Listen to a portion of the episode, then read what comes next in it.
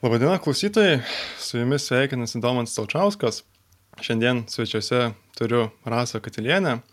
Rasa yra pirmiausia ICF akredituota narė, turinti PCC kreditaciją, yra socialinių mokslų vadybos daktarė, mokslinių publikacijų ir konferencijų pranešimo autorė, ISM Executive School lektorė, tyrimų ir profesinių interesų sritis, organizacinė kultūra, lyderystė, yra pokyčių ekspertė, kvalifikuota organizacinių ir vadovų konsultantė, sertifikuota spiralinės dinamikos teorijos taikymo praktikė, sertifikuota Deep Change lyderių ūkdymo praktikė, sertifikuota tarptautinė Core Mindfulness mokyklos dėmesingumo įsisamonimo trenerė, turi ilgametę patirtį projektų valdymo, pardavimo, klientų aptarnavimo ir vadovavimo srityse, sukaupta dirbant telekomunikacijų bendrovėse.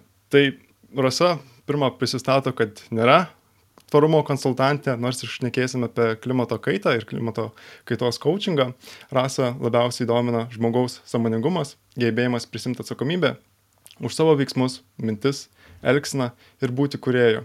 Ir Rasos visi profesiniai sprendimai yra susijęs su edukacija ir pokyčiais. Tai labas Rasa. Sveikas, Domantai. Tai aš tave pakviečiau būtent iš, na, jau kalbėjau apie savo priežastis, bet iš klausytojams girdint tai, kad po coachingo konferencijos, tau pristatant klimato kaitos coachingą, man, kadangi labai išmėgstu galvoti kategorijam ir linkęs aš labai kategorizuoti dalykus, tai iki, iki tavo pristatymo man buvo tokios dvi kategorijos. Tai pirma tokia kategorija, kad yra klimato kaita, jį vyksta, yra jos padariniai ir po 10, 20 ir 50 metų mūsų pasaulis atrodys visai kitaip negu dabar, ne tik dėl technologinių pokyčių, bet dėl tiesiog klimatos padarinių.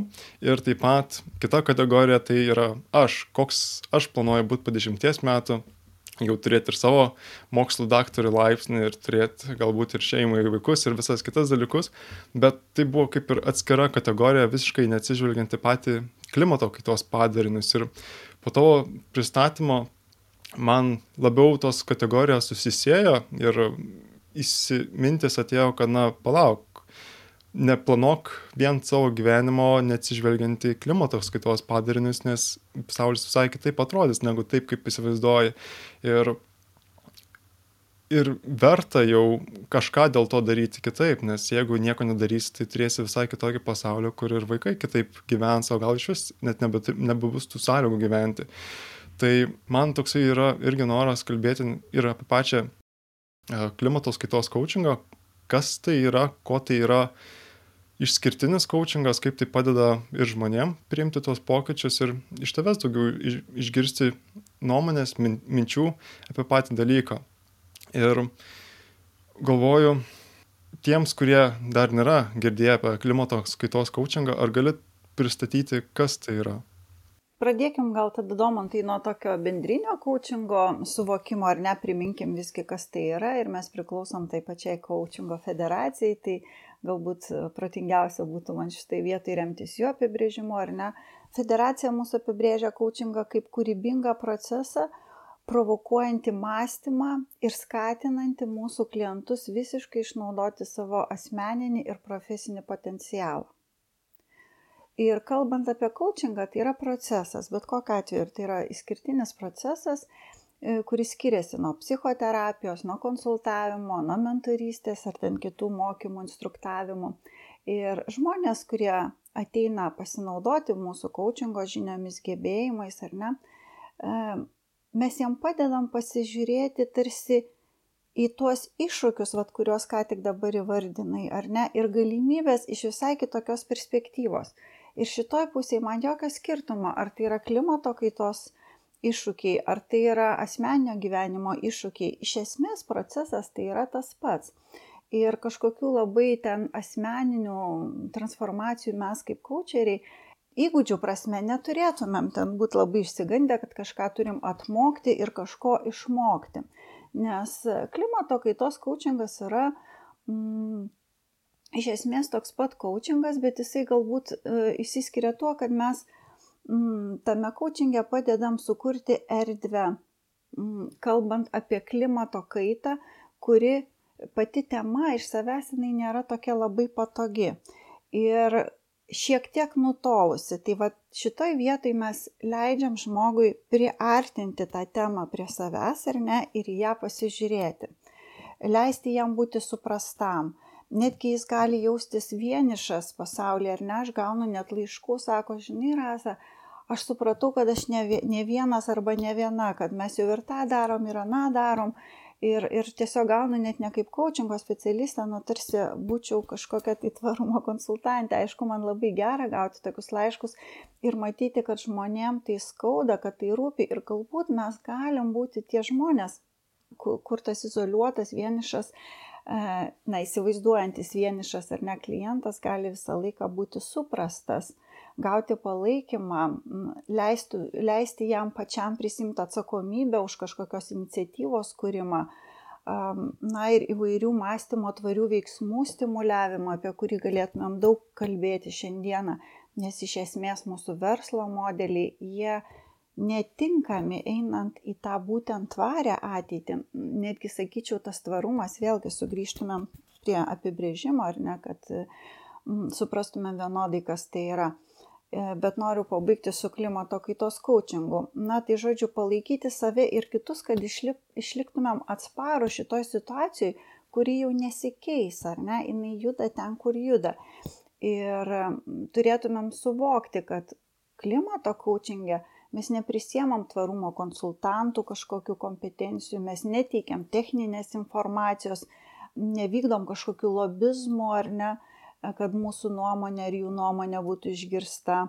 Neinstruktuojam, neaiškinam, ką jie turi daryti, o atliepiam jų norus ir poreikius, ar net. Ir su tuo, kuo, su kokiu matymu atėjo žmogus, mes jį priemam, bet niekas nežino, su kokiu matymu jisai iš mūsų išeis. Ar ne? Na nu ir žinoma, kaip ir visose coachingo sesijose mes skatinam prisimti atsakomybę E, einant į kažkokius konkrečius veiksmus, kurie galbūt iškiro, iškilo sesijos metu ar ne kažkokios išvalgos, ką su tuo daryti. Tai kalbant apie klimato kaitos coachingą, nenoriu aš jo kažkaip labai ten suvinioti į gražiausius pošnius kažkokius tai popieriukus, blizgučius. Tai iš tiesiog yra coachingas, bet manau, kad jisai yra svarbus tuo, kad jisai su kiekviena diena tampa vis aktualesnis ne tik dėl to, kad mes turim apie tai kalbėti, bet ir dėl to, kad mes pradėtumėm mąstyti kitaip. Man tai yra mąstymo katalizatorius coachingas. Aš manau, kad mes tai galim pagreitinti procesus ir manau ne tik aš, tai patvirtina įvairiausi mokslininkai ir ne, kad tas direktyvus vadovavimas arba nurodymų kažkokiu tai transliavimas, jis nebeveiksnus. Mes turim kurti ateitį kitokią o tam reikia kitokio mąstymo. Ir man įdomu, nupiešiant visiškai kontrastą, kaip ir pati prisisinė, kad nesi tvarumo konsultantė, kaip atrodytų tvarumo konsultanto darbas čia, ar tai būtų visiška priešingybė coachingui? Jo, čia iš tikrųjų yra labai, labai įdomus klausimas ir klimato kaita yra toks unikalus, unikali problema, jinai ilgalaikė problema, kuri neturi tokių, va, kaip ir pats minėjai, akivaizdžių tiesioginių uh, sąlyčio taškų ar grėsmių, ar ne, va tarkim mes dabar su tavim plepam, galim gert kavą, už lango galbūt lietutis lyja, mes nejaučiam jokio ten tiesioginės, jokios tiesioginės įtakos, ar ne, kad mums kažkas čia potvinis ar uraganas per, per langus veržėsi. Ir, na, atrodo, kad viskas, viskas ok, ar ne, mūsų aplinkoje.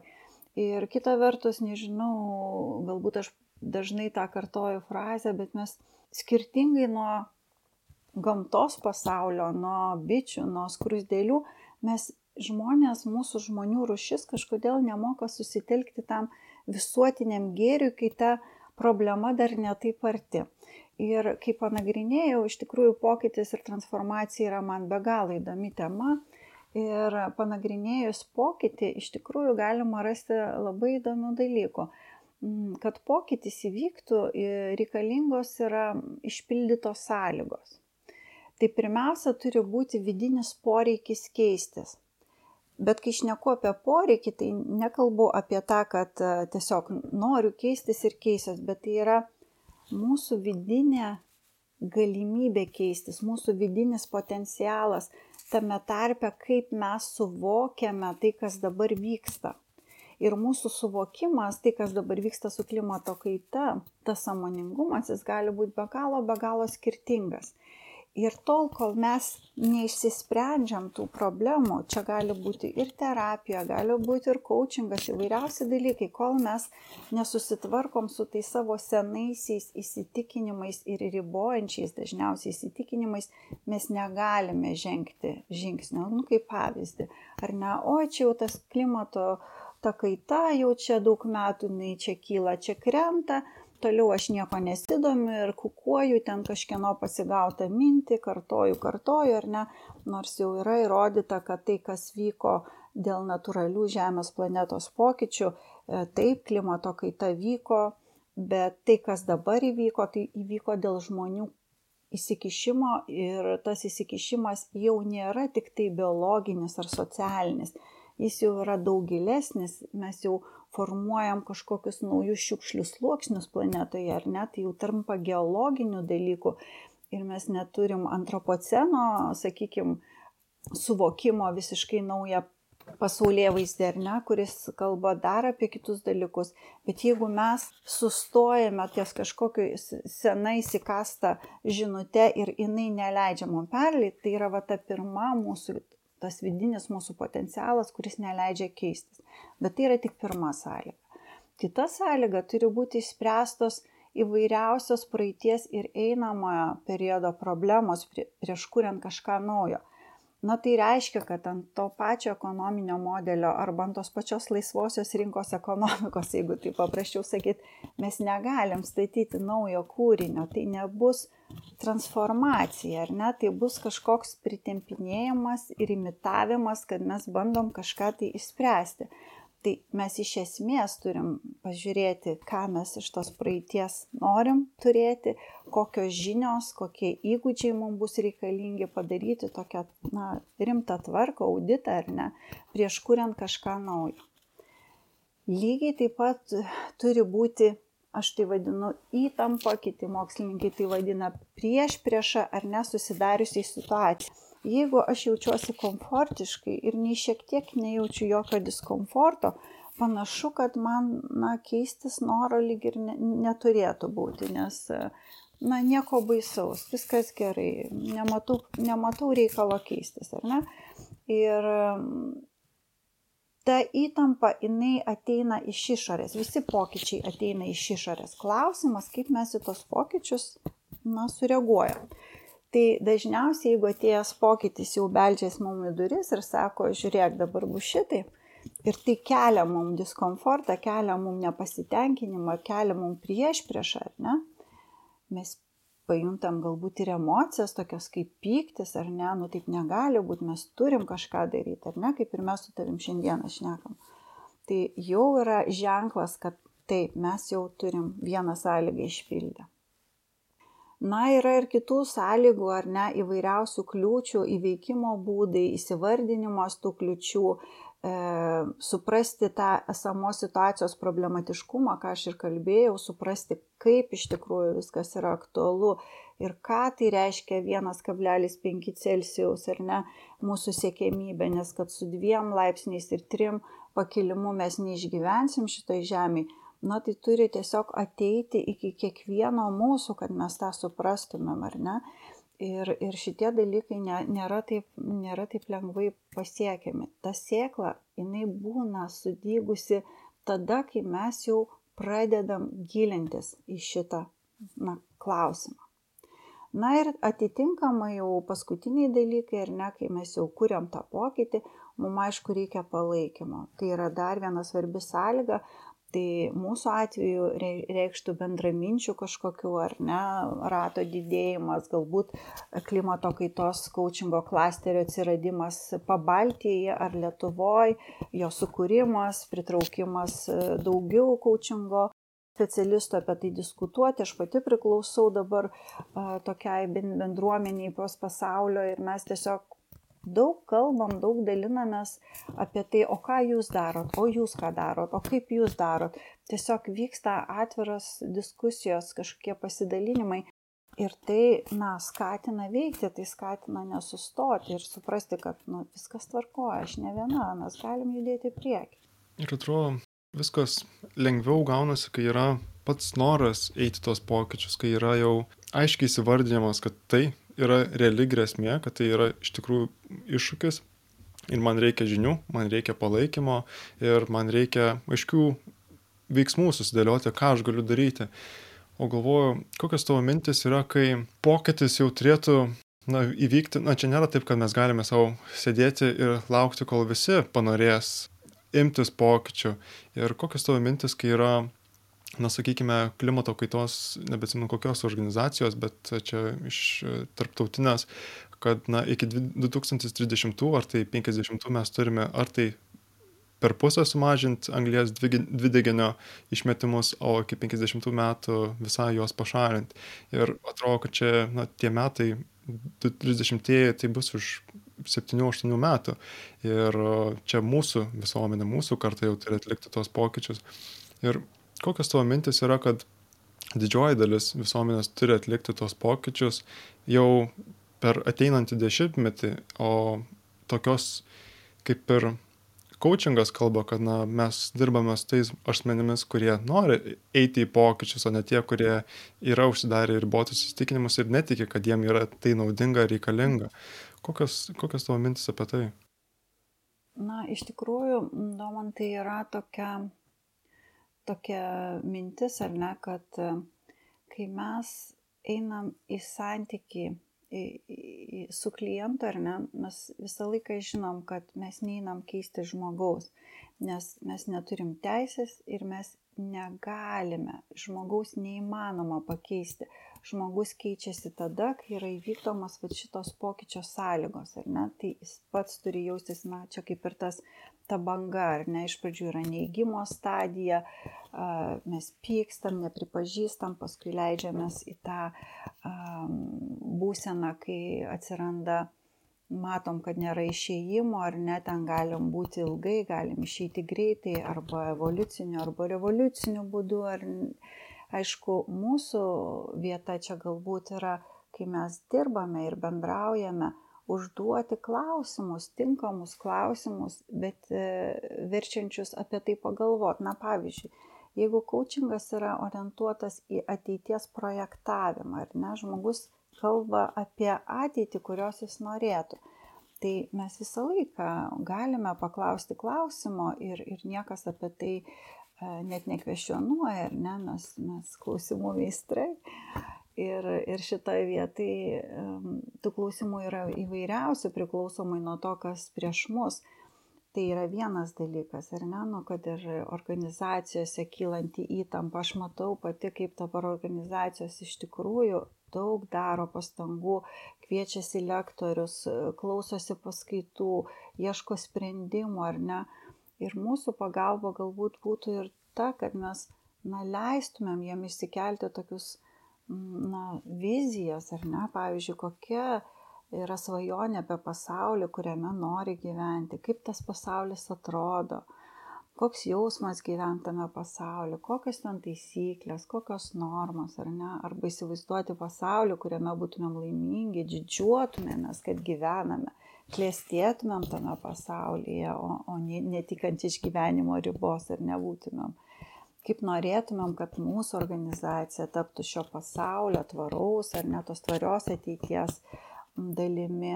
Na ir įvairūs panašus klausimai gali skatinti tokios vizijos atsiradimą ir, ir nesvarbu, ar tai individualus coachingas ar komandinis coachingas. Tie patys prasmių klausimai, o kodėl svarbu įgyvendinti tokią viziją, kodėl svarbu tai daryti dabar, Tai yra atverintis klausimai, su kuriais iš tikrųjų galime, galime dirbti visiškai ten nieko ir nelaužant. Nes coachingas ne apie tai, coachingas būtent yra apie tai, kad atverti e, klausimais ar neleisti žmogui atverti pačiam tą matymą, kad, kad, kad gali būti ir kitoks matymas negu ten kažkoks atsineštas e, įeinant pro duris į, į sesiją. Ne?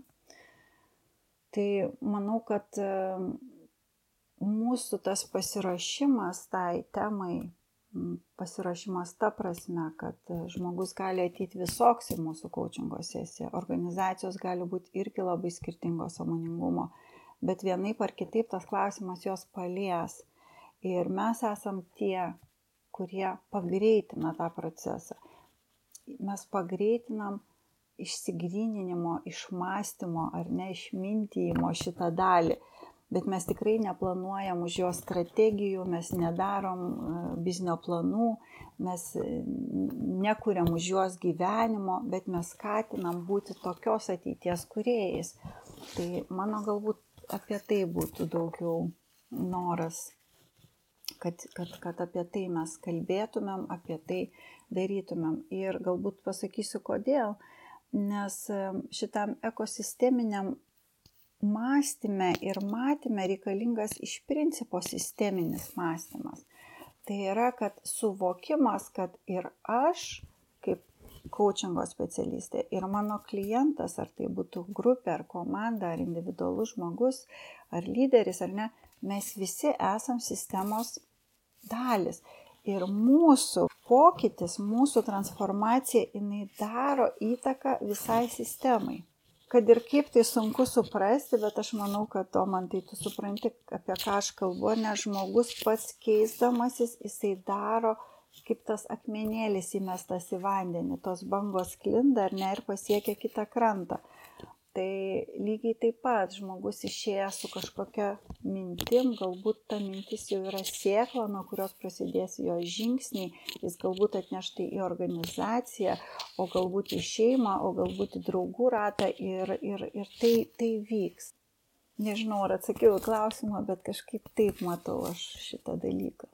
Ką aš išgirdau tai yra toksai bendras ateities kūrimas ir man, man čia jau ne tik iš coachingo specialisto pusės, kai coachingo sesijos vyksta, tai labai lengva man stvardyti tą tokį ryštą įeiti kaip buldozeris. Gerai, aš tikiu šitom idėjom, aš tikiu, kad tai yra, na, sakykime, apie tikslų siekimą, kad tikslo turėjimas ilgalaikio, nu tai visiems reikalingas ir visiems iš to teikia naudos. Nežinau, nežiūrėjau mokslinio tyrimo rezultatų, aišku, yra neigiamų pasiekmių už tiklų siekimo, kuomet jau išsikeli tos sunkesnius, bet aš pilnai tuo tikiu ir kai jau eini į pokalbį su žmonėmis, jau ne iš coachingo tematikos, bet ar tai su kursiokais, su draugais ar panašiai, tai atsiskleidžia mano ta asmenybė. Ir, bet coachingo sesijose tai šiek tiek ramiau ir išlieku turinį neutralus ir būtent aš kažkaip ir su to tokia ir noru, intencijų, ne tai kad intencija, bet gal taip ir lūkesčiai kėliau klimatos kaitos coachingo, kad gerai, klimato kaita vyksta ir coachingas yra apie tai, kaip prieiti prie tų pokyčių.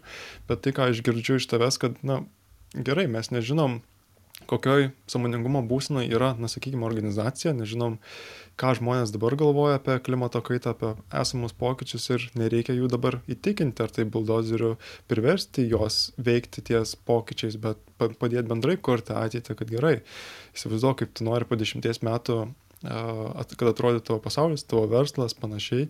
Ir jau tuomet jau pagal, paskatinti pagalvoti ir apie pasaulio, koks tai bus, jeigu, na, remiantis tyrimų prognozėmis, nežinau, kokios Lietuvoje pasiekmes pasijus, bet pasaulyje tai jau temperatūra bus šiltesnė, gaisrai didesnė ir didesnė temperatūros pokyčiai, ne tai kad pokyčiai, bet intensyvumas pokyčių bus žymiai stipresnis.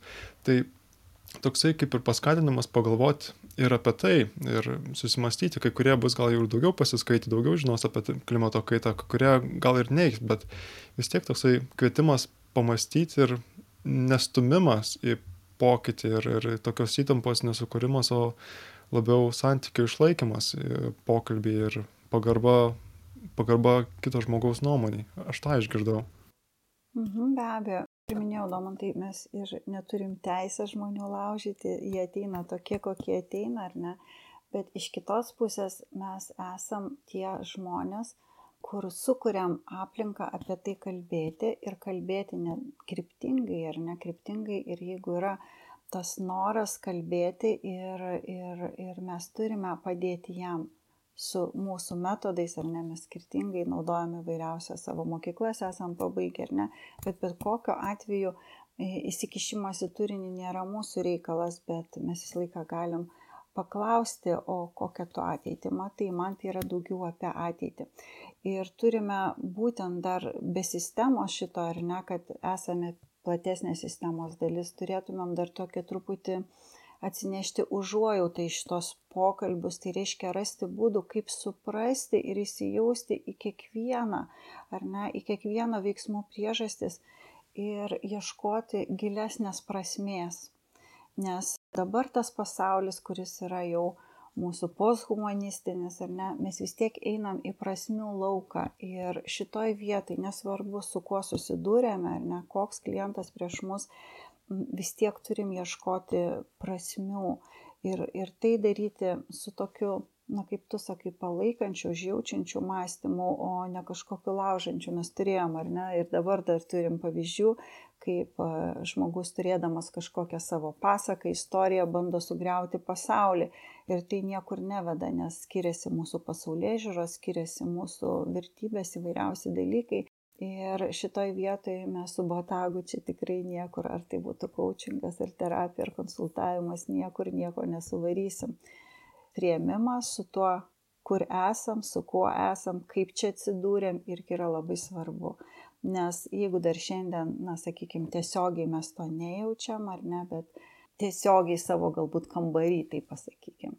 Bet e, tikrai aplinkoje jau galima matyti labai daug pokyčių, nežinau, kiek pats susiduri, bet e, mūsų visa ekosistema keičiasi, pas mus atsiranda nauji paukščiai, pas mus atsiranda nauji kažkokie invaziniai visokie šliužai ir vabalai ir kitokie dalykai, kurie keičia pačią ekosistemą ir žmonės visą laiką sako, duokit mums receptą, kaip juos ten, kaip su jais susitvarkyti, parašykit mums kokį ten, nežinau, televizijai laidą, užsakykit, kaip sunaikinti ką nors ten, kas užpuolė mus. Bet iš tikrųjų, va, tas mąstymas, kad mes esam, mes žmonės, o gamta tai kažkur, va čia šonė, kaž, kažkas tai va šalia.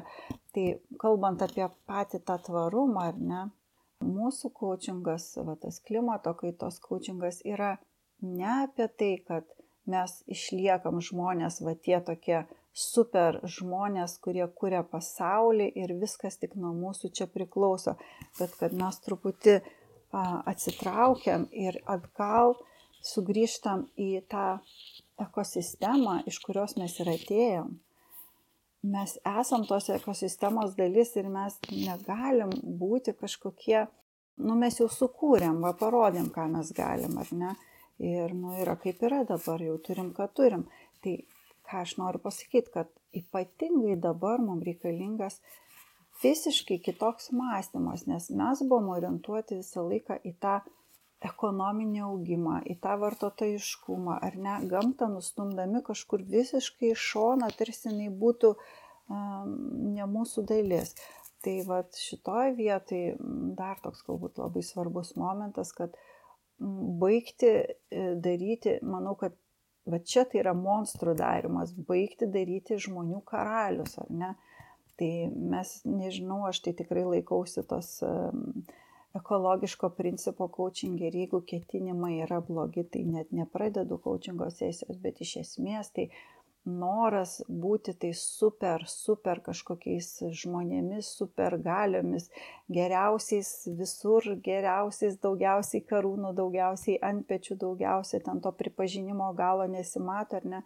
Tai va šitoj vietoj, na, turim sustoti ir pagalvoti, gerai, tu toks geras, tai o kaip kaip tai, kad tau, tu toks geras galėtų atsispindėti vat, šitam kūrime ateities, vat, toj ekosistemoje tavo tas gėris, kur jį padėti, ar ne?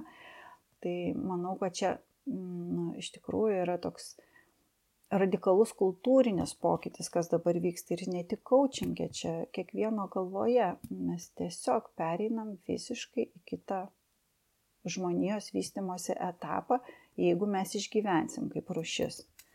Nes jeigu eisim senuoju keliu, mūsų kaip žmonių rušies, kaip bioidų, aš nematau galinčių išgyventi. Kokie iššūkiai yra žmogui pastebėti platesnę ekosistemos dalį, nu, sakykime, jau kai savo kieme tvarkai ir, sakykime, pamatai pilną šliužų invazinių atėjusių, tai apart to, kad žmogus, na, turi savo iškart pirminius interesus, pirminius poreikius, kuriuos turi patenkinti, kad matytų bendrą ekosistemos dalį. Aš manau, kad pagrindiniai dalykai yra mūsų galbūt vystimosi raidos tokie dalykai, kurie tiesiogiai yra susijęs su mūsų ego stiprinimu. Mūsų kultūra dabar ypatingai jinai yra apie ego stiprinimą. Bet jeigu tai pasižiūrėti, kas yra ego poreikiai, tai yra tik tai baziniai poreikiai. Jeigu nu, paimkim tą pačią Maslow piramidę ar Bareto ten skirstimą ar ne šitų mokslininkų, tai yra tik tai baziniai poreikiai. Bet jūs pagal, nu taip jau mes, jeigu va, visi pagalvotumėm, kiek mūsų pasaulyje dabar yra žmonių, ir visiems reikia tos bazinius poreikius patenkinti. Ir paskutinis iš tų bazinių poreikių tai yra savivertės dalykai, ar ne? Įvertinimo dalykai ir manau, kad va čia mes užtrunkam labai ilgai, nes nuo vaikystės mūsų kultūra dabar tokia yra, kad mes, nu va žiūrėkit, vaikas nukrito, mm, susitrenkė keliuką, kas kaltas, grindis kaltos, kėdė kalta, stalas kaltas, bet tikrai ne vaikas. Nu, tokia vat ir ar ne, ir, ir, ir, ir mes iš vaikų ką darom, ar ne, pačius pačiausius, nes didėja konkurencija Mes toliau matom konkurenciją, mes nematom kooperacijos. Mes auginam atskirus individus ir viskas yra apie individualų coachingą, apie individualios komandos coachingą, ar ne, mes vis dar į tą kažkokį vienį, o ne visumą. Ir čia yra, manau, kad didžiausia tragedija, kad niekada negana, kaip toj auksinė žuvelės pasakoja, ar ne? Auksinė žuvelė sako, nu ko dabar mačiute nori, geldas, prašau, Na, žinai, jau geldą paturėjau, gal dabar namelio norėčiau. Prašau. Na, jau namelį pagyvenau, gal dabar rūmų norėčiau. Prašau. Na, o kai norėjau būti jau jūrų karalienė, vėl liko prie suskilusios geldos. Tai manau, kad mes esame šitam, šitoj pasakoj labai labai užstrigę ir mm, patys dar ją stiprinam, patys dar ją, na, tiesiog nežinau, iš visų pusių ir, ir žiūrėk, kas, kas dabar yra lyderis, na, jeigu paieškoti apibrėžimo, ar ne. Tai labai daug metų buvo tas, kur viską žino, tas, kur pats geriausias, pats stipriausias. Dabar keičiasi, dabar mes matom, kad tai visiškai buvo kažkokio tai laik, laikmečio matymas, bet kažkam vis tai dar svarbu ir, ir ta odega tempėsi. Ir mes va tiesiog turim tai, ką turim o ego yra labai ribotas. O su to ribotu mąstymu, nu, tai mes apie tvarumą net kalbėti negalim. Gal domantai aš dar norėčiau patikslinti apie tvarumą, kai aš kalbu, aš tai turiu omeny ne išgyvenimo strategijas, aš turiu omeny, kad mes turim sukurti ateitį nemažiau naudodami tam, kad gyventumėm taip, kaip dabar gyvenom ir kad ateities kartos gyventų lygiai taip pat, kaip mes gyvenom, bet kažkaip kitaip mažiau naudotumėm, kažko taupytumėm, bet tai yra apie tai, kad mes sukurtumėm visiškai kitą pasaulį, visiškai kitokį verslo modelius, visai kitokį gyvenimo būdą, kad mes gyventumėm laimingai, bet kitaip. Ir tai, ką mes panaudojam, ar ne, toks būtų uždaras tos mūsų ekonomikos ciklas, ar ne, kad panaudojom, perdarėm, pernaudojom ir vėl atidavėm, o ne išmetėm kažkur į vandenyną plaukioti šiukšlynus. Ar ne toksai, kad viską regeneruojam ir nesvarbu, ar tai būtų e, verslo produktai, ar tai būtų paslaugos, ar ne, kad tai būtų tvaru, ar tai būtų mokslininkų straipsniai ir medžiagos, ar ne, kad tai būtų ne kažkur tai panaudota ir išmesta, bet kad tai būtų perdaryta, pernaudota ir mes vad galėtumėm tokiam kažkokiam naujam pasaulyje gyventi gerai, klėstėti ir būti laimingi. Aš apie tokią ateitį. Man tas tvarumo modelis, apie kurį bando išsukinėti ir šnekėti, ir bent jau pradinis jis buvo apie tai, nes pati anglų kalba sustain, jinai kalba ne apie klėstėjimą, tai yra apie uh, išgyvenimą. Tai ir buvo, kad, na, čia pasispauskim, pasitaupykim, nes jau čia per visas ribas mūsų planeta plyšta, viską jau čia baigiam išnaudoti, tai gal pasispauskim. Ne, aš ne apie tai kalbu. Tiesiog, kad susivienodinti. Turi kokį pavyzdį organizacijos, kuri perėjo prie tvarumo ir prie tvarios veiklos iš net nežinau, ar tai iš produktų ar paslaugų sektoriaus, kuomet jau buvo labiau vartotojiškas mąstymas ir, ir na, siekiant efektyvumo, ne, nepaisant ekologiškos grėsmės. Mhm.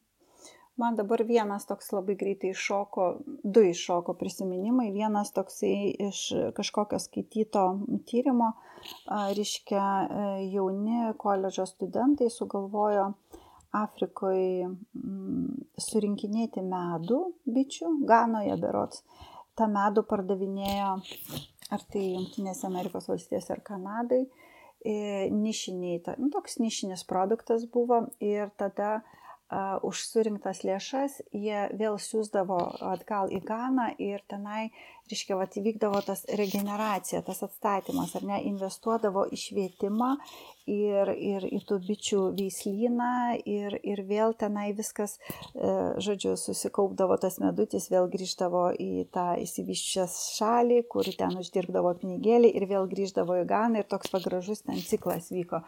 Tai ten visų smulkmenų neatsimenu o kitas e, man labai patiko, yra Vilniuje senatorių pasažė restoranėlis, gal teko būti ir jie e, turi savo ūkį, veža iš to ūkio daržovės, e, žodžiu, jas labai netoli ten iki Vilniaus atvežti, taupo, reiškia, tą atvežimo visą procesą, tada gamina maistą, ten vėl atliekos yra gražinamos, utilizuojamos, perdirbamos į trašas ir ten vėl viskas sugrįžta į tą patį ūkį ir vėl sukasi tas pats ratas. Tai čia tokios galbūt labai smulkios iliustracijos, o šiaip tai didžiųjų, didžiųjų korporacijų iš tikrųjų yra labai daug gražių pavyzdžių nesakau, kad nėra to greenwashingo, to žalio smegenų plovimo, jo yra tikrai daug ir atsirinkti labai kartais vartotojui yra sunku, bet iš esmės aš labai ieškau tų gerųjų patirčių ir, ir labai džiaugiuosi, kad yra tokių tikrai didelių įsipareigojimų, ta pati Patagonija ar ne, parduotas verslas atiduotas fondui, kuris atsakingas už klimato kaitą na, iš tikrųjų yra daug, daug labai gražių įkvepiančių pavyzdžių, įsipareigojimų iki um, anglės dioksido, na, to suvartojimo iki nulio, ar net ten įsipareigojimo iki 30 metų. Nu, labai tikiuosi, kad jų bus laikomasi. Aš pati labai seku įvairiausias etiketes, ar ne, žiūriu, ar tai yra tvarumas, ar tik imituojamas tvarumas, ką jie iš tikrųjų daro. Nes yra tokių dalykų, kur perdirbimas galbūt yra tik dėl perdirbimo, visiškai neįvertinant visos grandinės aplinkui, kas, kas, kas su tuo yra susiję. Na, yra iš tikrųjų, na, aš tai nesu pesimistė, aš matau, kad yra didžiulis, didžiulis pabudimas pasaulyje. Ir, ir, ir tikrai džiaugiuosi, kad taip yra, tik tai vat, man kažkaip atrodo, kad mes ir kaip ICF esam pasirašę tokį įsipareigojimą prisidėti prie klimato kaitos. Manau, kad mes esam būtent tie žmonės, kurie gali pagreitinti, va tiesiog padėti žmonėm pagalvoti kitaip, pamatyti kitaip, įsipareigoti veikti kitaip, kurti kitaip nežinau, man kol kas e, skamba tai labai optimistinė gaida, galbūt dėl to, kad domiuosi, bet matau labai labai didži, didžiulius proveržius. Net tokiuose mega miestuose kaip Londonas, ar ne, atrodo, miesto tvarumo projektai yra didžiuliai daromi. Ir kur atrodo, nu, tikrai jau toks miestas, ką ten, ką ten galima padaryti, bet va čia ir yra ta, ta vieta, kur, kur sukurti tą aplinką atsirasti kūrybai, atsirasti inovacijom, atsirasti kitokiam mąstymui. Turim būti aktyvus. Tiesiog kviečiu būti aktyviai šitai vietai, nes labai tikiu, kad mes esam dabar ypatingai reikalingi. Dėkui už pasidalimą. Tokie, atrodo, paprasti pavyzdžiai, kur lengva įsivaizduoti ir save prisidedant, nes kai man pagalvojus apie klimato kaitą, tai nežinau, kažkaip ir Iškart pirmos mintis tai yra vėjo turbinos, saulės kolektoriai, elektro, elektromobiliai, kas na, yra masyvių investicijų reikalaujantis projektai. Ir prie ko tikriausiai paprastas jonelis ne, neprisidės savo gyvenime. Ir iškart, kai pagalvojus, iškart baugina. Iškart toksai didelis projektas, prie ko nesinori prieiti ir net gazdina ir jau geriau apie tai net negalvoti, nes stresą kelia. Bet kai paminė tokius mažus pavyzdžius, kaip medaus surinkimu ir investavimu tenais, kad, na, kad toksai užburtas ekonomikos ratas, ne tai, kad užburtas prastąją prasme, bet kad vystytųsi ekonomikos ratas, kuris ir padeda ir gamtai, ir, na, patiem asmenims finansiškai, kad nebūtų vien tai savanoriška veikla ir atsidavusi, kur nepamiršti apie savo šeimą ir apie savo poreikius. Ir šiek tiek dar noriu sugrįžti, minėjai greenwashingas. Man pirmą kartą girdėta savo, kad ar čia tas pats, ar čia toksai kaip ir brainwashingas, labiau kaip organizacijų naudojant rinkodaros tikslais parodyti, kad uh, jie jau siekia tam tikrų žalumų iniciatyvų, bet pačiais pigiausiais ar net ir skandalingais būdais, kuomet uh, praktiškai tiesiog miško tam tikrus plotus išsinuomoja ir gali pasiskelbti, kad tam tikrą anglės dioksido sumažino, neišmetė ar tai papildomai prisidėjo prie uh, degonės emisijų, vien nuomojantis tam tikro miško plotus, kur praktiškai vyksta semos.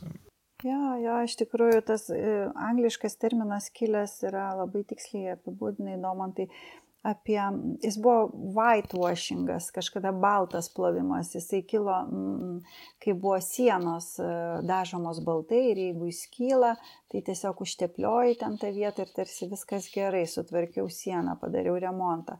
Tai kai kalbam apie tos ekologinius, marketinginius įvairiausius dalykus, ar ne, tai labai žmonės naudojasi to pačio mokslo pasiekimais, psichologiniam žiniom, kaip paveikti vartotoją, kad jis labiau įsitrauktų į vartotojiškumo šitą liūną.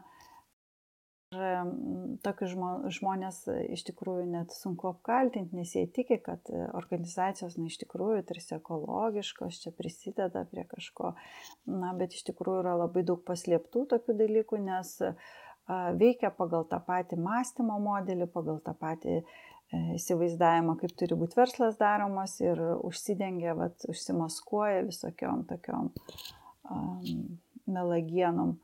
Ir žmogui, žmogui sunku atskirti, ypatingai kai yra jo, paliečiamos jo emocijos, e, sužadina kažkokią tai, kažkokią tai viziją ir žmogus, na, iš tikrųjų užsimano kažko ir, ir pasiruošęs jau pirkti. Tai daug tokių iš tikrųjų yra dalykų ir vėlgi tai labai liūdina iš vienos pusės, iš kitos pusės labai džiugina, kad yra tie, kurie yra budrus ir gali greitai pasakyti, va, pažiūrėkit, ką jie išdarinėja. Tai labai labai smagu, kad tas pabudimas yra įvykęs ir, ir manau, kad na, jisai skleisis, nes tie transformuojantis asmenys, kurie nebijo apie tai kalbėti, kurie uh, leidžia savo apie tai kalbėti plačiai, tiek e, įvairiausiose medijose, ir net dabar tų kanalų yra labai daug.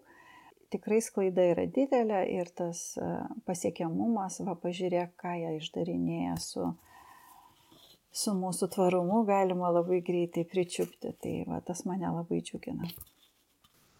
Ir galvoju, čia kaip ir man atrodo, rinkodara, na čia tiek aš toks rinkodaros ekspertas, bet rinkodara turi tokį kaip ir visai priešingus įstikinimus negu coachingas, kad žmogaus negali pakeisti, na, sakykime, žmogus gali keisti tik dėl savo noro. Rinkodara atrodo šiek tiek ir uh, įsivardina tikslus, kad gali pakeisti tam tikrą žmogaus mąstymą, jo elgesį ar net, net manipuliuoti tam tikrų elgesių. Ir atsimenu, minėjai pačioj coachingo konferencijai, kad per baimę, kad eitų į pokyčius, ar tai labiau skatinti žmonės, kad va, čia pasaulis dega, kad jau mes nebeturėsim kur gyventi ir kad čia mums laikas imti, ne, laikas veikti, nes nebeturėsim kur gyventi ir čia viskas veda prie mūsų kartos ar tai mūsų rušies išnykimo, tai minėjai, kad ta baime nepadeda keistis ir dar labiau žmonės sustingsta ir prokrastinuoja, atideda darbus ir verčiau yra kalbėti iš tokios teigiamos pusės. Dabar nebeatsimenu, ką konkrečiai vardinį iš tokios teigiamos pusės, gali plačiau pasidalinti, kaip, kaip skatintų žmonės prisidėti prie klimato kaitos iniciatyvų. Mhm. E, yra keletas, keletas būdų. E, Tai taip, iš tikrųjų, man irgi noras iš pradžių buvo labai gazdinti, kai aš pradėjau domėtis šitą temą, o pradėjau ją labai seniai domėtis. Man visą laiką buvo nesuvokiama, kaip galima nematyti e, šitų dalykų. Bet um, kita vertus supratau, kad, na, tai nemato, tai nemato. Paskui dar radau tyrimus, kad žmonės tiesiog įjungia tą neįgymo būseną. Jie yra to neįgymo stadijoje, kuris skatina atidėliojimą veikti. Ir vėlgi atpažinti mes tą ir coachingę gebam ar ne per įvairiausius ribojančius įsitikinimus ar, ar baimės. O pati baime, tai čia jau, sakyčiau, galim atsisukti į emocinį intelektą, ar ne? Mums mum reikia būti labai samoningais, e, ko mes bijom. Labai dažnai kalbant apie baimės jausmą, mm, e, turim atskirti kelis tokius momentus. Pirmiausia, tai yra instinktyvi baime, kad mes kaip rušys bijom išnykti, ar ne, ir tai yra kažkokios taigios reakcijos. Bet dažniausiai tai yra mūsų tokie socialiniai jausmai, baimės, kurios kelia mum nerimą, kurios, kurios tampa mūsų nerimo gyvenime.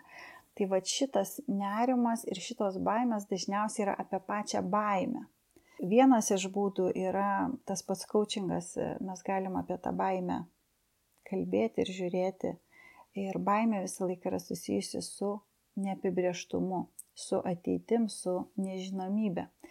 Ir jinai iš tikrųjų turi ir kitą labai gerą pusę, kad e, tai yra tam tikra energija, kurią galim visiškai įveiklinti ir e, nukreipti ją galimybių link, ne kažkokių tai krizių. Kaip tai vyksta, tai vyksta, sakau, vienas būdas gali būti ir coachingas, kitas gali būti ugdymas, ar ne, kalbėjimas apie tai. Dar vienas dalykas yra medijos, Tai yra labai labai stiprios, e, stiprus e, įrankiai, per kur galima, žodžiu, kalbėti apie tai, skatinti, kažką daryti. Dar yra įvairūs, įvairios bendruomenės, į kurias galima burtis ir, ir turėti palaikymą, bendraminčių ratą, su kuriais galima jausti saugiai ir, ir kurti kažką kito. Negu dabar yra. Tai, žodžiu, reikia tiek individualių, tiek kolektyvinių pokyčių, nes kaip ir pats sakai, ar ne, kartais atrodo, kad oi tik tai didieji žaidėjai gali kažką padaryti. Bet ir individualų sprendimai, kurie yra labai svarbus. Aš va visai neseniai dabar ir mintis tokia kilo, turėjau kavos gerimo tokį pokalbį ir pasidalino viena mano mokinė studentė, kad Sako, va, mes e, sudarėm sutartį ir perkam elektros energiją iš kažkokio tai atsinaujinančių resursų, ten parko berot saulės ar vėjo, nebeatsimenu. Ir, ir toks džiugesys ir, ir taip, taip, taip dalinasi su visais ir džiaugiasi, kad, va, matai, aš pati neturiu kur tų baterijų užsidėti, bet aš galiu nusipirkti iš kažkokio saulio ar vėjo, vėjo parko. Ir man tiesiog, na, gera klausyti, kai, kai va, tas klaida vyksta ir kiti klausosi ir galvoja, jo, iš tikrųjų, tai kaip, kaip įdomu, matai, galėjo nusipirkti kažkaip tai. Ir kyla kažkokias mintis žmonėm, nu, tiesiog yra labai smagu. Tai va, sakau, yra tie tokie individualūs, ar ne, va, tos transformacijos vidinės mūsų. Bet lygiai taip pat yra ir kolektyvinės, kaip ir sakau, mes turim būti kažkokių bendraminčių grupėje ar, ar, ar galbūt netgi uh, eiti į kažkokias socialinės iniciatyvas, pradėti galbūt socialinius verslus, o galbūt valdininkais kažkokiais netgi pradėti kažkokius veiksmus. Čia yra nu, tikrai labai platus laukas, kur, kur galima nuo piketų, nuo, nuo, nuo įvairiausių dalykų eiti į menininkai labai, va tiesiog dabar irgi mintis tokia kilo, labai daug menininkai e, reiškia to savo nerimo ir, ir pasaulio matymo.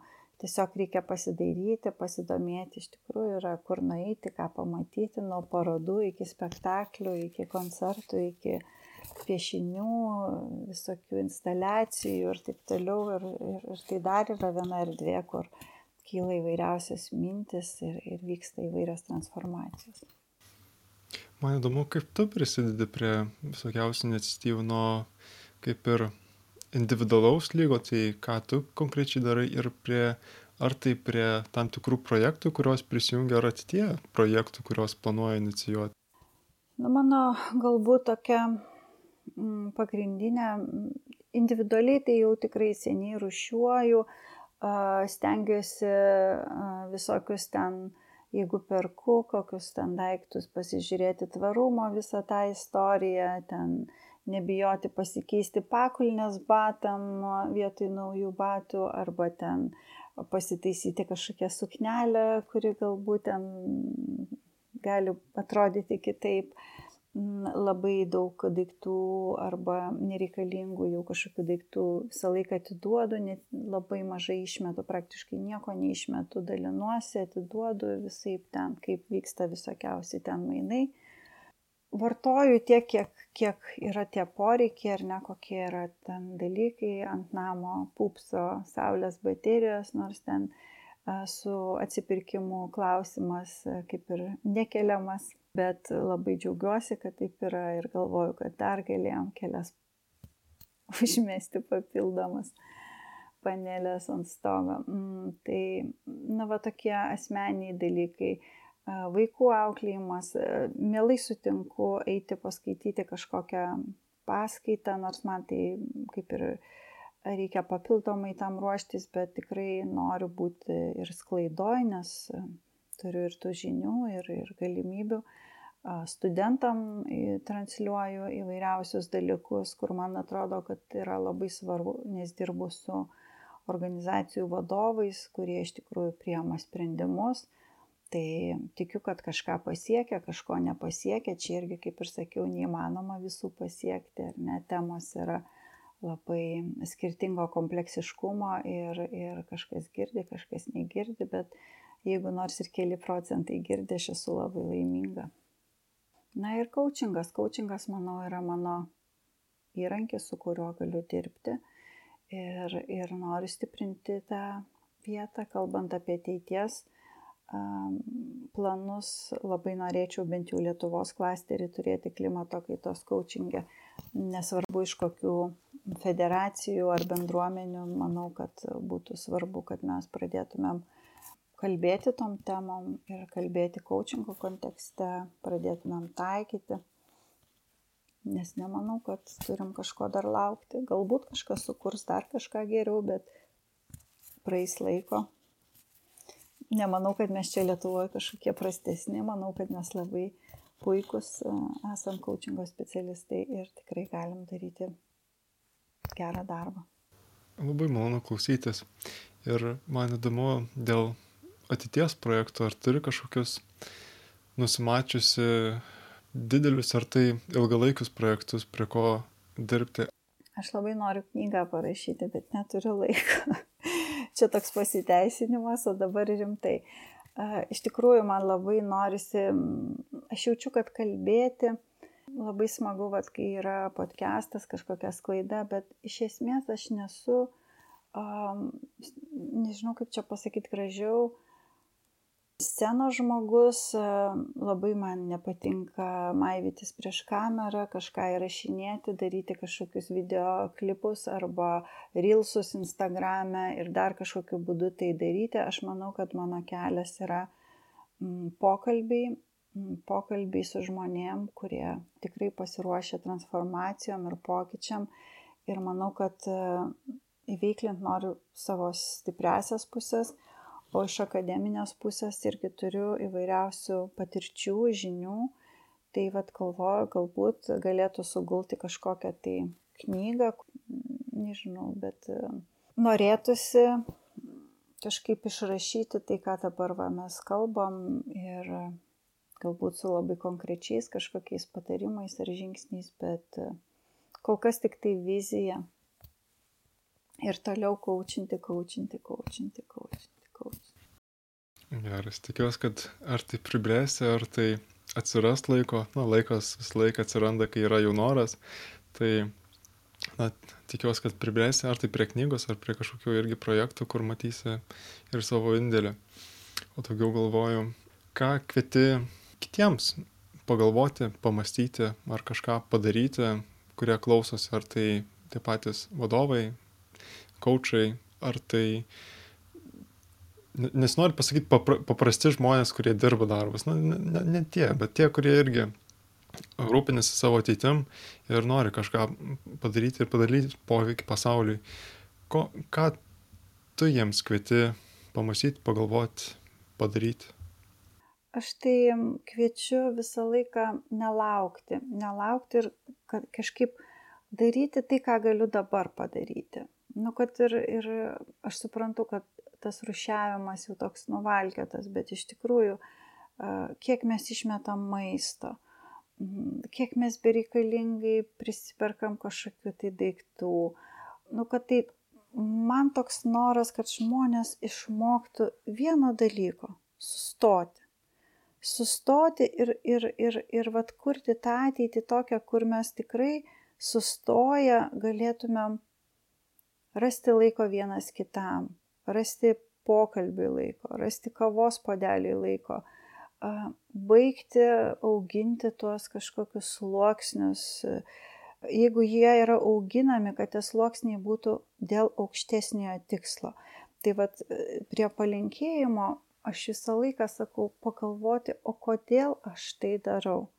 Ir jeigu aš tai darau, kad Jonukui ar Petriukui patikčiau, na, ar tikrai verta, mm, nes vieną dieną patiksi, kitą dieną jau nebepatiksi, ar ne.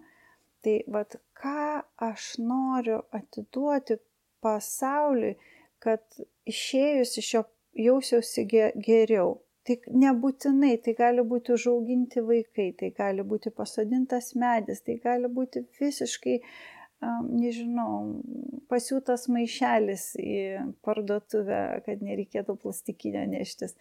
Kad ir mažytis indėlis, bet kad jisai būtų, ar ne, kad, kad na, pažiūrėti visgi pakeltą etiketę, nu, iš kur čia atėjo tas daiktas. Mm, iš kur ta daržovė, o nu, kas ten yra, ar tikrai mums reikia tiek valgytos, nu, aš tikrai neskatinu tapti nei veganais, nei vegetarais, aš nieko nekeičiu žmonių, tikrai ranką prie širdies pridėjau, žmonės patys keičiasi, kada jie to nori, bet e, sustot ir pagalvot, nu kodėl, ar tikrai man tiek reikia, kodėl aš tai darau.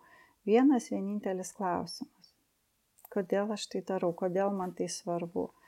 Ir Kitas tai aišku, nu, o, o kaip su tuo mano žingsniu, ar ne, va tas jau sisteminis laukas. O kaip žengu šitą žingsnį, va pasikeis mano aplinka. Kas pasikeis, jeigu aš trečiadieniais nesuvalgysiu steiko?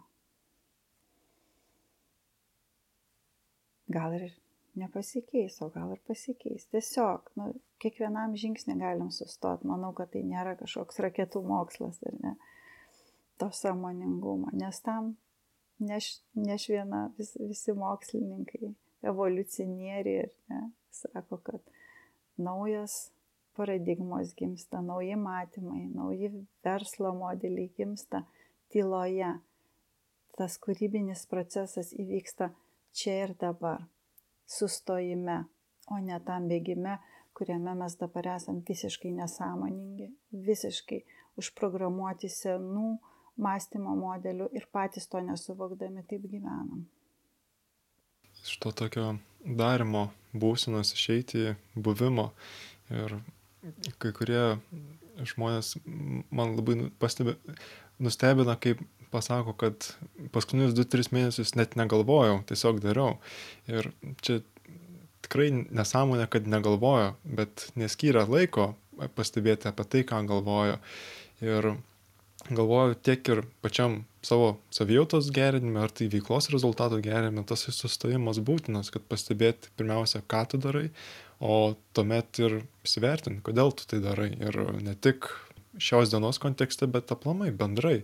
Ir kodėl, kodėl aš šiandien ryte keliuosi, kodėl tiesiog nepagulėti lovai ir kam, kam man tie pinigai, kam man tas darbas, kam kam tos studijos ir jeigu sunku atrasti atsakymus ar tie atsakymai tiesiog netenkina, tai čia, man atrodo, puikios paieškos toliau ieškoti ir nesidėti vietoje ir ieškoti tai, kas motivuoja, tai, kas teikia prasmės ir tai, kas daro pokytį. Ir man atrodo, čia ne tik, kad ir padarysi didesnį iš to poveikį, bet ir mėgusios gyvenimu žymiai geriau. Ir man atrodo, Rasa, kad bet kas, kas su tavim susitinka, tai tikrai jos pakeitė. Aš nekeičiu dautai, ranką prie širdies pridėjus. Palauk, aš noriu, noriu, aš noriu paveikti mintį, kad tikrai su tavim pokalbiai tai jaučiuosi pasikeitęs ir vien tavo mintis, kaip tu mastai ir, ir tavo iniciatyvos tikrai priverčia susimastyti ir tikrai pas, po susitikimo pasikeičiu. Ir nors ar, ar tai tavo valia, ar tai nevalia yra keisti mane, bet po pokalbio išeinu pasikeitęs, tai galiu sakyti, kad pakeitė mane, bet aš už savo pokyčius ir esu atsakingas. Ir jo, galvoju dėl tų pačių visokiausių klimato kaitos iniciatyvų. Labai lengva man pasakyti, kad aš irgi rušiuoju maisto, neišmetu daug, daug ką pats viską darau, bet daug, daug mano to tokio ir iš aplinkos yra įtakos, kad aš studentas, tai tiek ir mažai vartoju, tiek ir mažai perku, tiek ir, ir, ir, ir, ir o, praktiškai efektyviai naudoju savo biudžetą, bet Bet jeigu aš kaip studentas sugebu ir ne tik vykdyti savo veiklą ir, na, pirmiausia, pasirūpinti savo poreikiais ir už tokius minimalius išteklius ir taupau resursus, tai kodėl žmonės, kurie turi daugiau resursų, to negali padaryti. Ir čia ne tik, kad tai yra ir prisidedančia prie didesnių dalykų, bet ir bet ir efektyvu iš asmeninės pusės. Tai man atrodo, kad ne visos klimato kaitos iniciatyvos yra asmeniškai naudingos, bet daugelis iš jų tai tikrai galima surasti, kaip pasipelnyti ir, ir, ir, ir na, nebūti visiškai altruistam ir atsidavusiems ir aukojantis, bet yra tikrai, man atrodo, jau technologijos pažengusios, ar tai iniciatyvos esančios, kurios ar tai prisideda tiek pat ir finansiškai, ar tai labai daug prasmės suteikia gyvenime. Tai uh, Dėkui tau, Rasa, už šiandienos pokalbį. Ar turi dar kokių minčių? Jo, dar tokia mintis kilo tavęs beklausant, aš visą laiką irgi taip noriu sureflektuoti, atspindėti, kad labai dažnai mes, kai kalbam apie tas tokias jau tarnystės klausimus, tarnystės planetai klausimus, ir ne, mes kažkaip labai linkę nustumti piniginę dalį kažkur iš šono, tarsi čia kažkoks blogis. Jokių būdų aš iš dvasinio intelekto perspektyvos visą laiką sakau, kad skurdas pirmiausia prasideda nuo dvasinio skurdo, ar ne? Ir mes turim samoningi, samoningai turtėti, jeigu mes turtėjam, ar ne? Va tas samoningumas, jis turi ateiti per gerą ketinimą. Ir pinigai nėra blogai pinigai mums sudaro įvairiausių kitų galimybių, ar ne, nu, kad ir tam pačiam dalykė. Aš, pavyzdžiui, tikrai išleidžiu labai daug pinigų, e, kuriuos susitaupau, ar ne, įvairiausiam studijom, įvairiausiam mokslam ir jeigu aš jų neturėčiau, man būtų sunku, ar ne, šitą dalyką ir tai nėra blogis kažkoks. Esmė yra ta, kad visą laiką tas, vat, kai aš sakau, o kaip mano šitas žengtas žingsnis paveiks tą sistemą ar ne, arba tą aplinką, kurioje aš esu. Ir dažniausiai, jeigu mūsų yra tokie egocentriški sprendimai per kitų galvas, man nesvarbu, po manęs nors ir tvanas, tai tada yra vienas dalykas, bet kai aš einu iš to gero ketinimo ar ne, ir tie mokslai man tikrai kažką duos ir tas darbas man leis kažkokį kitą poreikį patenkinti, nes mes tenkinam poreikius, mes tokie esame, mes esame žmonės kol kas tokie, kokie, kokie esam, tai nereikia tiesiog baidytis ar ten kažkaip e, dėti kryžiaus ant kitų dalykų, tai yra mūsų poreikiai. Va, tik tai klausimas čia kaip, ar ne, ir dėl ko, ir kokiu būdu jau yra labai svarbus dalykai. Iškart man ir kilo mintis, kad gal net ir pagalvojus apie klimato kaitos aktyvizmą, kad ir apie tos fanatikus, kurie jau visai pamiršta apie savo poreikius, susižada namų vartojimo ekonomikos sistemos ar iš vis priklausimo visuomeniai, kuri vartoja ir pasišvenčia prie iniciatyvos ir galbūt net ir nieko nedarimo, kad na, taupyti ir nu, naudoti resursus. Ir man atrodo, čia irgi, na, kraštutinumas. Ir nereikia ieškoti, nereikia vien žiūrėti tos kraštutinumus, kur visiškai nieko nedarau ir toliau gyvenu savo gyvenimą, iki tol, kol visiškai vis, visko atsisakau, tiek savo namo, tiek savo pareigų ir jau gyvenu su gamta. Tai man atrodo tikrai galima suderinti tai ir neatsisakyti visų savo gyvenimo poreikių, kad, na, kentėtum, ne, nukentėtum visą savo gyvenimą ir savo vaikus nukankintum iki, kar, per kartų kartas. Tai man atrodo, čia tikrai įmanoma suderinti, ypač tais laikais, kol te, technologijos na, smarkiai uh, vystosi ir čia jau po dešimties metų neaišku, kokios technologijos padės įveikti klimato kaitą ir jos padarinius. Taip, manau, viskas suderinama. Pirmiausia, reikia, nuo, pirmiausia, reikia pradėti nuo noro ir nuo pasiryžimo, pasirinkimo, kad imsiuos to pokyčio. Jo, tikėkim ir aš visą laiką linkiu visiems būti kuriejais, netapti įvykių aukomis, netapti aplinkybių aukomis, netapti ten, nežinau, va, visi kalti, tik tai čia aš dabar va vienas su šitą klimato kaitą likau vargšas. Ne, ta prasme, kad mes būtumėm kuriejai, kad nu, kiekviena diena galėtumėm duoti kažkokio impulso, kažką sukurti, kad ir mažą, bet, bet tik tai ne aukos būsenai. Mes turim visi būti kuriejai, ar mes esam lyderiai, ar ne lyderiai, ar ne, bet tas kuriejo, tas įsikūnymas, jisai mus nuves visiškai į kitą aplinką. Ir aš tikrai labai nenoriu, kad nei aš, nei tu, nei mūsų vaikai, nei anūkai gyventų kažkaip kaip tuose futuristinėse siaubo filmuose kažkokie. Ir dabar va, neseniai žiūrėjau vieną tokį baisų filmą, tokie visi nelaimingi, kažkokie apdriskę, kažkokie baisiai ateitis, vėl bazinių poreikių tenkinimas, kalba, kalba jau tik apie išgyvenimą aš tai norėčiau, kad viskas būtų kitaip, kad mes tiesiog gyventumėm kitaip, bet gerai. Dėkui, Rasa, manau, kad čia puikia vieta ir užbaigti su tokiu palinkėjimu būti kuriejais ir įsivaizduoti, na kaip čia, man atrodo, šių metų coachingo konferencijos šūkis permastyti savo ateitį. Ir būtent labai skamba ir klimato kaitos atžvilgiu ir kontekstu. Tai ačiū tau dar kartą, Rasa, už, už pokalbį, už pasidalinimą. Ačiū tau labai, kad pakvieti, labai mėla. Dėkui. Ačiū, kad skiriat laiko klausimui. Jeigu įdomu, kaip galite prisidėti prie šio podcast'o gyvavimo, tai visas nuorodas rasite įrašo aprašyme. O daugiau tikiuosi, kad įžvalgos, žinios, kurios buvo pasidalintos šiame pokalbėje, buvo naudingos. Tai atsisveikinu ir sakau iki kito karto